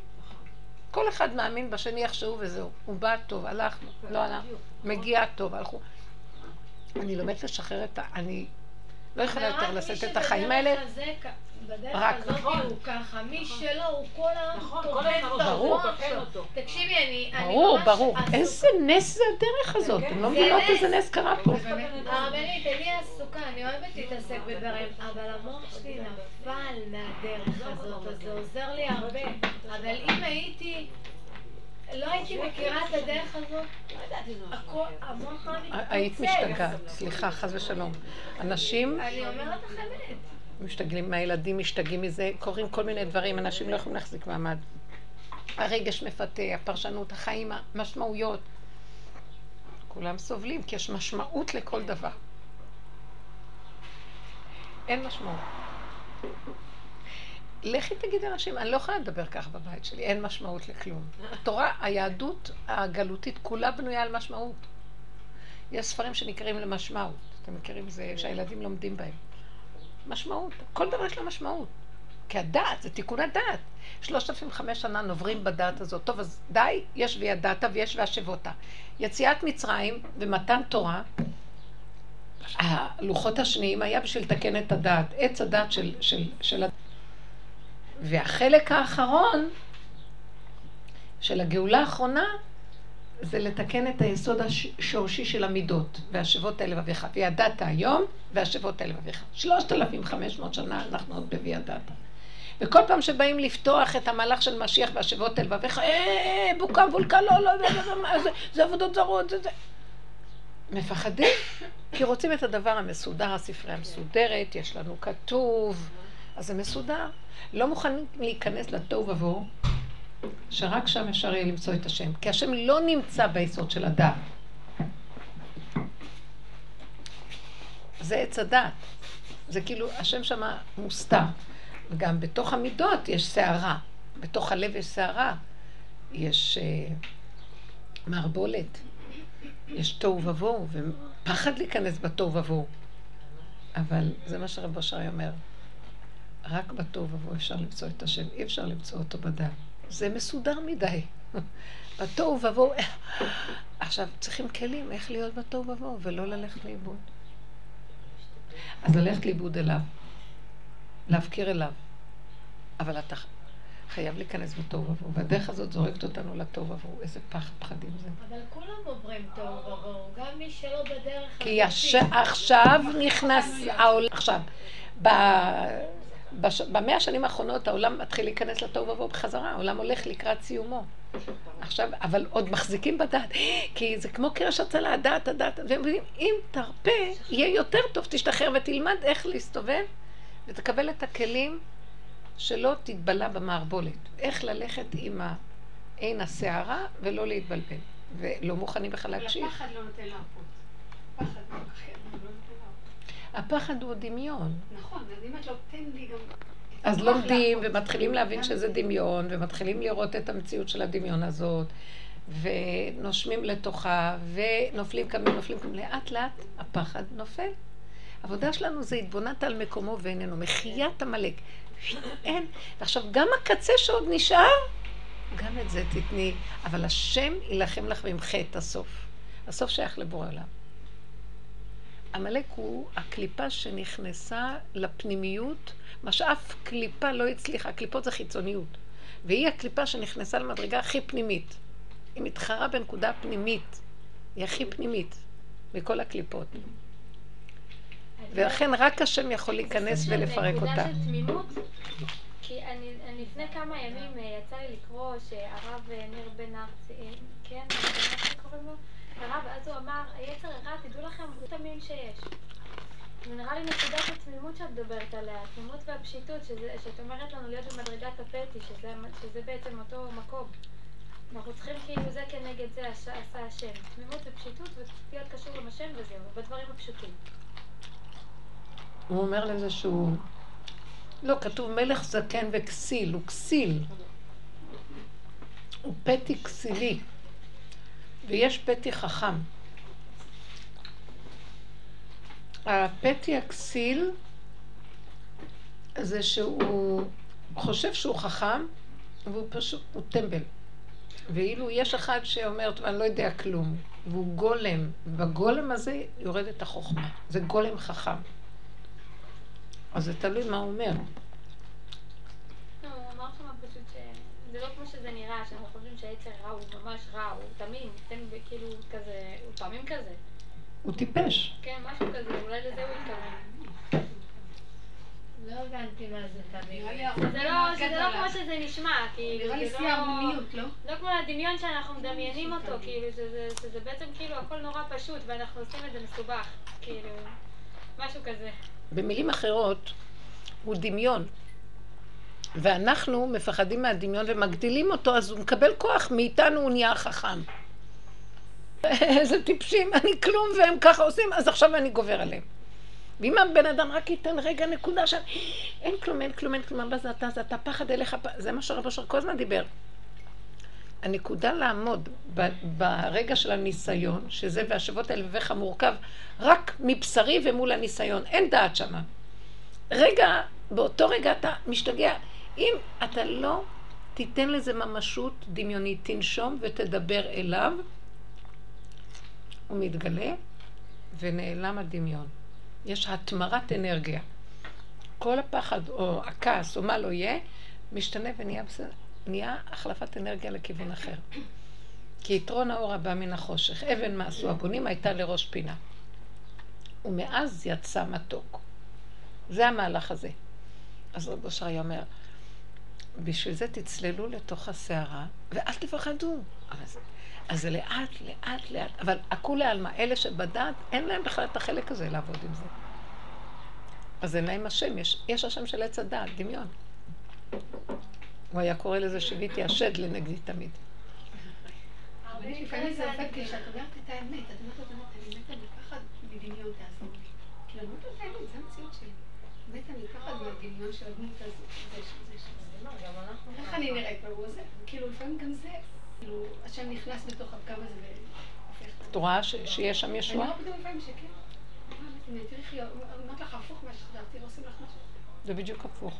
ולכן, אז פה הוא אומר, אה, הרב מי? ניר, אז במקום הזה הוא בעצם אומר, בעצם אין שם כלום. זה שאנחנו נבהלים ונותנים לו ממשות, זה, מזה הוא מקבל את הכוח. אבל הוא אין לו כלום, הוא טיפש, הוא כלום. זה הכסילות שלנו, שאנחנו נותנים לו את הכוח הזה, ואז... מזה הוא יונק. מה יש לך להגיד? אה, היה לי כל מיני דברים להגיד, שמרתי אותם כי לא לא ראיתי שזה יתרום. אמרתי, "תראה, בוא נאמר למשל העובדה שהיום הגעתי, גם שם היה בלבולים, אם להגיע, לא להגיע. איפה הנקודה. איפה הנקודה של אה, הבן אדם שגורם לעצמו את הצער, הבלבולים? הוא מקשיב להם. בוא נראה, בוא ניקח אה, דוגמה. למשל, את, את רואה, בוא, האוטובוס, אני הלכתי, קמתי בבוקר, באתי לתחנה. האוטובוס עבר על פניי ואני יושבת. טוב, בדיוק קיבלתי טלפון, בואי לאכול דייסה. טוב, גמרתי לאכול את טוב, אני הולכת, לכי. טוב, לאן אני אלך עכשיו? לא, פה, פה, פה, לא יודעת, פה. טוב, הכל. ממש. אז למה בלבולים? אנחנו גורמים את הבלבולים, למה? וזה מה שהיה לי הבוקר, כל הבוקר. אני כן אלך, אני לא אלך, אני לא אלך. מה אכפת לך? לכי תעמדי ליד התחנה, יבוא אוטובוס, תעלי לא. באמצע הדרך הוא יכול להגיד, נגמר לי הנסיעה, בנזין. תרדו כולם מהאוטו. לקחתי בחשבון שהאוטובוס לא יגיע. זה קורה לי כשאני בשליטה. אני מבטיחה לך כי היה אה, רכב שכנראה אה, עמד באמצע הכביש, אז אה, חסם את כל... אמרתי, אבא, גם לרחובות אני לא אגיע, זה בסדר, בסדר. את- את לא... זה... זה... נחומיש גמזו. זה- זה- ככה טוב, ממש. ככה טוב. לא, נותנים משמעות וזה וזה. כלום, ככה. איזה לא. מוזר הכל. לא יודעת. לא יודעת. זה נחמד לי, לא יודעת. לא יודעת, טוב לי. לא יודעת כלום. ואני רואה, איפה. נכנס לי הכאב, למשל, עם הנושא של שידוכים? אז היה איזה הצעת שידוך. ואז התלבטתי, כן, לא, כן, לא, כן, לא. ואז אמרתי, תנסי, למה את מתלבטת? אם הם יגידו שכן, טוב. אז אה, הרמתי טלפון לשטחנית ואמרתי לה, את הצעת את זה, תבדקי אצלם, אם אני רואה שמשהו זז מהצד שלהם, אז חזרה אחרי רבע שעה, כן, הם רוצים ללכת לראות את הבן שלהם. אז אמרתי, אז שילכו, אבל את יודעת את התנאים, נכון? שלא יהיה הפתעות. אז היא אומרת כן, ונראה לי שהיא לא אמרה. אז ההוא הלך אה, לראות את הבן, והיא אמרת לי, ואת, אחרי שהם יראו את הבן, את תראי את הבת אחרי הצהריים. אמרתי, טוב. הלכו לראות את הבן, ואז אה, האבא דיבר איתו וזה, ואז האבא, הוא אמר לי אחרי זה, ש- שה- התקשרה ואמרת לי, תקשיבי, הוא אמר שמשהו, משהו, אין דברים כאלה, אין, אין, אין, אבל יש דבר אחד שמפריע לו. שהבן רוצה ללמוד והוא רוצה מישהו שיצא לפרנס. אמרתי, מה? אבל זה, אז שילך לחפש מישהו מהשוק. מה הולך לבחור ישיבה? לא, תראי, הוא בכל אופן בדק, כן, כי הוא לומד עכשיו, אבל אחר כך הוא יוצא, יוצא לפרנס. אמרתי לה, אבל את זה את היית צריכה להגיד, אמרתי לך מה התנאים. אז ככה אמרתי, אז לא הולך לראות הבת, מתבטל העסק שלו. אז עכשיו נכון, אמרתי לו, וזה בן אומר לי, אמרתי לך, אמא, שהסוג של המשפחות האלה לא מתאים לי. כי בהתחלה שאלה הצעה, הוא אמר לי, "ת- תורידי את זה. אני מכיר את הסגנון הזה, זה לא מתאים לי. אבל אמרתי, נו, חבל.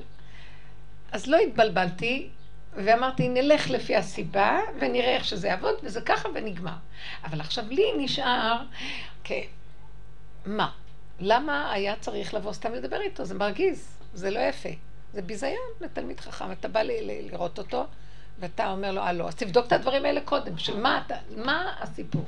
אז התחלתי להתרחב עם הנקודה הזאת. ואז היה לי כאבים עליו. זה בכל זאת את הבחור הזה, הוא כבר נתפס, הוא כבר, וכבר זה. ו... ואז היה לי כאבים וזה, ואז אני התרחבתי ונהיה לי מצוקה. קטנה, אבל דרגות כן, קטנות. כן. ואז אמרתי לעצמי, כן. אז מה את מתרחבת? מה? לא היה כלום. באו, ראו, הלכו. ועכשיו שדיברתי איתו, אז... היה נשמע ממנו כאילו הוא בא אליי בטענה, את לא בודקת מספיק ואת שולחת דברים של מה הייתי צריך את כל הסיפור הזה עליי? אז הוא כאילו הייתה טענה עליי, זה עוד יותר הכניס אותי. ואז אמרתי, אחרי שסגרתי את הטלפון וזה, נשארתי עם איזה, ואז אמרתי, יאללה, מי הוא ומי את ומי כולם ומי הם בכלל, לא היה ולא נברא, ואת עוד חסר רק שתשבי על עצמך ועוד תתרחבי בדבר הזה, כי גם אחר כך את מקרינה לו מסכנות, ואז הוא עוד יותר מתמסכן. שלום ונסגר. ותדעו לכם שזה לא קל, כי אחרי שפתחתי קצת, זה קשה להוציא אותו החוצה אחר כך. כי אני מרגישה שנהיה לי איזה... ואז אני אומרת, לא קיים, לא נראה, אין כלום, מה אכפת לי, יבוא משהו, מי בכלל, למה? והוא גם מתעלק עליי גם. כי הוא לא יכול לבד לסדר לעצמו, אז הוא כאילו, נו, יש, יש הצעה, יש משהו. יש מלא הצעות, רק אני, ואני ראיתי שאני גם מסוכנת, אני עוצרת. אני מסוכנת. ואני אמרתי לבורא עולם, ריבונו שלום, אתה לא מבין שאני יכולה להחריב את הכל. ואני ראיתי את זה כבר כמה פעמים, שאני מסוכנת. יש לי עניין של תנאים ואני מסוכנת, אז אני לא יודעת מה לעשות. אוי לי מזה ואוי לי מזה, ותסדר אתה ואני לא יודעת מה. אני חייבת לסגור את הרגש לחלוטין ואת השייכות ולהעביר אליו ולא להיכנס באמצע בכלום. כי ראיתי בשניות שאני רק נותנת טיפה של הרגש של משהו, ישר הוא מתנחל ויש לי אחר כך מזה. ואז אה, קשה לשחרר אותו. תוציא עכשיו את האורח שנהיה בעל הבית. אבל השאלה, את כאילו, את- את- אני לא, אני לא, אני שואלת בעצם... אני צריכה לעשות התנאים- פעולות. לא, התנאים שאת אומרת שזה זה מה שקבעת לך, וכאילו, ו, וזה, וזהו, וה- והדברים צריכים להיכנס בתוך התנאי הזה, ומעבר לזה את סוגרת, כן? ואת, כדי לא להתבלבל, כדי לא להתבלבל. זה מה שקבעת, זהו, וזה חייב לעבור, לעבור דרך זה. אני ה- עושה ככה. אתה לא רואה רוצה? תביא איזה סיבה אני מנסה ללמוד ממך איך אני צריכה לעשות בחיים שלי. כאילו, נגיד אם יש איזה, איזשהו גבול מאוד מאוד ברור אצלי, אז אני צריכה מאוד להיות החלטית שאני לא עוברת אותו בעד שום הון שבעולם, כי זה גבול מאוד ברור אצלי. כי זה משהו שאני צריכה לדעת שאני אני לא אוכל לעמוד במשהו אחר, אז אני צריכה לעמוד על הגבול שלי. זה מה שאני שואלת בעצם. אני לומדת אגיד לך, בשביל זה, אני בשביל זה. השכל ניתן. יש מקום לשכל, כדי לברר ולהוציא נקודה. הוצאת נקודה, אל תתבלבלי יותר. נקודה, לכי. עכשיו, צריך לבוא סיבה שתהפוך את הכל לגמרי, ואז אין לך שליטה. אבל כל עוד יש לך שליטה, את לא יכולה סתם לשנות את הדעה. היה לך, תשארי איתה חזק. יבוא הר, יבוא, לא יודעת, רעידת אדמה, אין לך שליטה. אבל כל עוד את יכולה, תשארי בנקודה. הרבנית, את גדרת בדיוק איזה תיחום את רוצה, איזה סוג של כלה. את רואה שבעולם מסובב לך ומכניס לך דברים שהם בכלל לא בקריטריונים, אין לך שליטה על כלום. ואז אני רואה אז שזה... מה היא רוצה להיות רגע, גדורה? רגע, רגע. עכשיו, כן, אני מאשימה את עצמי בזה, כי אני פשרנית. יש לי כלל, ואז התלבטתי על ההצעה הזאת, ידעתי, הוא אמר לי, זה לא מתאים לי הסוג משפחה הזה. אנשים מאוד עשירים, ושם אבא הוא עורך דין, והם הם בעולם. נוסעים לחוץ לארץ, הוא אמר לי, זה לא מתאים לי, זה לא מתאים לי, אני רוצה משהו אחר. אבל משך אותי משהו, בזה שהוא יוכל לשבת ללמוד ויהיה לו אפשרויות, והוא יוכל להתפתח איך ש... אבל הוא אמר לי, אבל זה, זה ייקח אותי, זה חבל לי, ואני התבלבלתי קצת. ואז ראיתי שיש לי כאן נקודה דקה שאני לא מספיק מבוררת איתה לסגור. זה מה שאת רוצה, זה יהיה וזהו, תצאי ואל תעשי חשבונאות. ואני עושה חשבונאות. ושם אני נופלת. כל פעם שאני מתפשרת עם איזה משהו, זה לא זה. אז החלטתי לאחרונה, אמרתי, לא רוצה, אני נשארת עם הנקודות שלי עד שיבוא משהו בדיוק, זהו. וכל השאר אין. לא מוכנה להתפשר יותר. אז זה קידם אותך לשם. אה? אה, זה הביא אותך לנקודה הזאת, אז זה היה טוב שזה הביא אותך לנקודה לא, אבל למה הייתי צריכה, למה בשביל אני פשרנית? מזה הזאת. את הפגם שלי. אני לא מדויקת איתו ואני מצפצפת, אני, אין לי אמונה. נכון, אני רוצה. הוא בא ואומר לי, אין לי, הוא בא ואומר. לי, ואני אומרת, לא, אבל אולי, מפה לפה, לפה, לפה, לפה, כן אולי. וכל הזמן אנחנו חוטפים את המכות, ואני עכשיו רואה שאני המפריעה לו. והוא מאוד מוגדר. זה, זה, זה. ובסוף זה יבוא משהו שהוא לא גדור בכלל. כלומר, ככל שאנחנו מגדירים ורוצים להיכנס לתוך הנקודה הנשימתית, הנקודה של אלוקות, הוא פורע את זה והוא מביא את זה משהו אחר. לא. בדיוק. הוא לא יפרע. נכון. אם אני, לא, תקשיבי. מתי הוא יפרע? שהוא לא נמצא שם, ואני אחוזה ב... כשאני אומרת לו, ריבונו שלם, נתת לי את השכל, נתת לי את התכונה שלי לעזור לו לבחור, ואני גם רואה אותו, שאלתי אותו, אתה מוכן ללכת בלי כלום? היה איזה הצעת שידוך שכלום לא נותנים. הוא חשב, אמרתי לו, משפחה טובה, בת טובה. אמר לי, לא, אני רוצה ללמוד, אני לא אוכל לשבת. אז הוא אמר לי. אז אני הולכת בנקודה שלו. עכשיו, אם אני רואה שזה הנקודה, ויש לו נקודה שהוא נמשך אליה, הוא אמר לי, אני לא מתחתן עם הבת כי אני רוצה להתחתן עם אישה. אני תורה, והיא תעזור לי לתורה. אתם רואים איך הוא רואה את זה? אז זה המהלך שלי, שאני נושא אישה שהיא תעזור לי לעיקר שלי. העיקר שלי זה, האיש, זה התורה, זה האישה שלי. אבל אני רוצה אישה, לקיים את המצוות. אז שימו לב מאיפה הוא בא. אז אם כן, לא כל אישה זה אישה ותבואי. נכון שהוא הגדיר את זה? הגדיר את זה. אז הוא כרת ברית ראשונה לתורה, והאישה היא מצטרפת, ויהיה לה חלק גדול בזה ושמחה גדולה. וככה הם, זה האנשים של... עכשיו, בדבר הזה אני מפספסת, אני אומרת, אבל אולי זה ואולי זה ואולי זה, אבל הוא אומר לי, אבל זה לא ייתן לי תמיכה לנקודה שלי. אז את, את מוציאה אותי מהנקודה. אז אם אני הולכת עם הראש שלו, וזו הנקודה, ואני סוגרת את הכל, למה שהוא יכול, למה שהוא יכול להיות שמשהו... זה, אני לא מסתכלת עליו, הוא גדר את עצמו והוא כרת ברית וזה מה שהוא יקבל.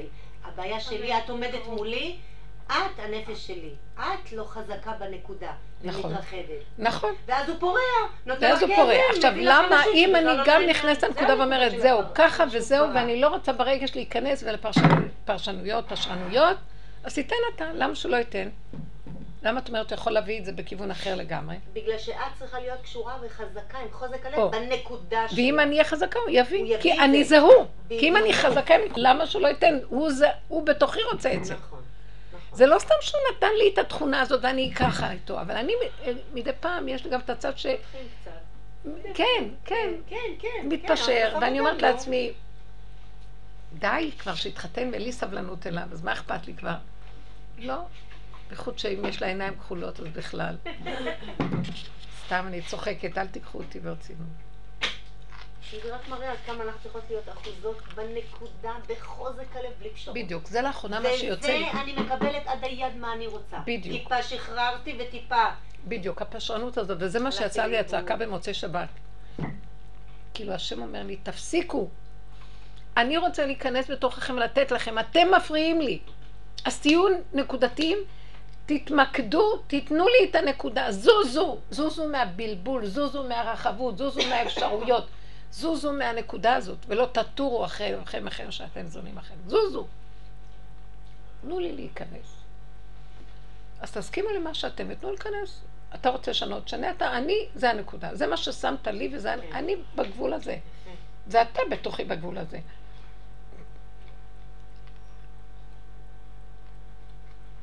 אנחנו מרמים את עצמנו כל הזמן. יש לנו איזה נקודה, אבל אחר כך טה טה טה טה טה, וחוטפים. והולכים לאיבוד, וחוטפים מכות, וזה והאיסורים שאנחנו עוברים בכל המהלך הזה של החיים פה. כי החיים פה זה דמיון, זכוכית מגדלת, ריבוי, בלבול, אפשרויות, דמיונות. הלכנו לאיבוד מהנקודה. לכן התורה כל הזמן בדעת מבררת וחוזרת לנקודה, מבררת וחוזרת, וגם שם התבלבלו, מרוב דעות, מרוב, מרוב בירורים, מרוב נפות. העולם נהיה ממש מסוכן. עכשיו אין בכלל כלום. את לא בסערה, את לא בכלום, יש נשימה. הנשימה נורא בקלות יכולה למקד אותך לחזור כל רגע לנקודה. כי אם את פה, אתה, אתה, אתה, אתה. את בעיניים, את גם. את באף, את פה. את במילה, את ב... נקודה. פה. זה משיח. זהו. זה נש... נשימה עם מילה. במקום הזה אין ריבוי, יש רגע, נשימה אחת, רגע, מיקוד, זהו שלום, ומתחדשים, וכל רגע עוד פעם ועוד פעם ועוד פעם. הלוואי, זה קשה, כי פה זה ארץ הפוכה. פה זה ארץ תעלובות. התוכנה פה היא הפוכה למהלך הזה. היא תילחמי איתה? אין כבר כוח. אז הוא אומר לי, לא, אל תילחמי, פשוט תהיי שם. כי אין לך כוח פה להילחם. את לא צריכה להילחם, תהיי שם, אל תזוזי משם. ואני, שהייתי ילדה, אני זוכרת את זה, מאוד הייתי קשורה עם אבא שלי תמיד. הוא היה לוקח אותי לגן, הוא היה מחזיר אותי, הוא היה, הוא היה עוזר, הוא היה. אז הוא היה אומר לי, כמה פעמים זה קרה שהייתי ילדה, אני זוכרת, הוא אמר לי, שבי פה רגע בספסל, לך, היינו צריכים לחצות איזה גן, והוא היה רצה ללכת לקנות איזה משהו, שבי פה וחכי, אני כבר מגיעה, אל תזוזי מפה. חשבתם שאני אשאר שם? או הייתי אומרת לו כן, ואחרי רגע הייתי מוצאת את עצמי מטיילת וחיפשו אותי, כבר תמיד המשטרה הייתה מחפשת איפה הלכתי. הוא היה מבוהל נורא. הוא אומר לי, אבל אמרתי לך לשבת. טוב. אני מתכוונת, אבל זה לא קורה, אני ישר זזה. לא יכולה לשבת בנקודה. עכשיו, קחו אחת כזאת שמדברת על הדבר הזה. המכות עושות שלהם, בסוף את אומרת, די, זה, זה, זה, אנחנו פשוט, בלו עצמיי, העצמות של יצרור עצמות בלות. אין לך מאיפה כבר לנשום, הגוף כואב, הכל. טוב, תיכני. אומרת לו, אבל אתה מוליך אותי, אתה מוביל אותי. גם בטעות אתה נמצא. אין מקום שאתה לא שם, אז די, תעזוב אותך. גם אם אני אטעה ואלך לכל מיני, אתה חייב להיות שם בנשימה. כן. תהיי בנשימה ותגידי, ככה זה הרגע, ככה זה הרגע, ככה זה, הלכת פה, ככה זה הרגע, זה ככה, ככה זה הרגע, ככה זה הרגע. זה מאוד עזר לי שאחר כך אמרתי, אז למה הייתי צריכה לגשת עוד פעם לשידור הזה כשידעתי שזה... כי ככה וזהו. שלום, כי ככה. קמתי בבוקר עם הרגשה, מה הרגשה? כי ככה. זה, זה, זה. תודה, תודה. הבנתם? נקודה עכשיו מאוד... בצמצום, לא להתרחב עליה ועוד לפרש אותה, להרגיש אותה, והיא גונבת מיד, הנה גנב על גנב על גנב על גנב. כל רגע גונב. לא, אבל החלום הזה, קמתי ו... אמרתי לו, אז קמת, קמת, ברוך השם שקמת, מה את רוצה? יואו, איזה נס שקמתי, עכשיו היא תלך הרגשה שהיא קמה. היא יכלה למות בחלום.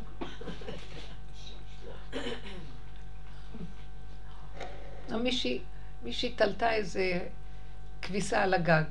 ופתאום התחילה לצעוק, נפלה לחולצה והתחילה לצעוק, לצעוק, לצעוק. כולם באים, מה יש לך? ואם אני הייתי בחולצה? מביאה איזה הדמיה, ואם אני הייתי בחולצה? איזה סרט. איזה דמיון גם. אבל ככה אנחנו חיים. ממש ככה. ואם הם באו לחתונה ולא באו לחתונה, חתונה, מה? שלא יבואו מקום. אני דווקא כן מרוצה שלא באים לפעמים לחתונה הילדים שלי. לא צריכה להחזיק את הילד הזה ואת התינוק ההוא. הם באים, זורקים והולכים לאכול ולרקוד. עד לשבת באיזה מקום קצת ככה.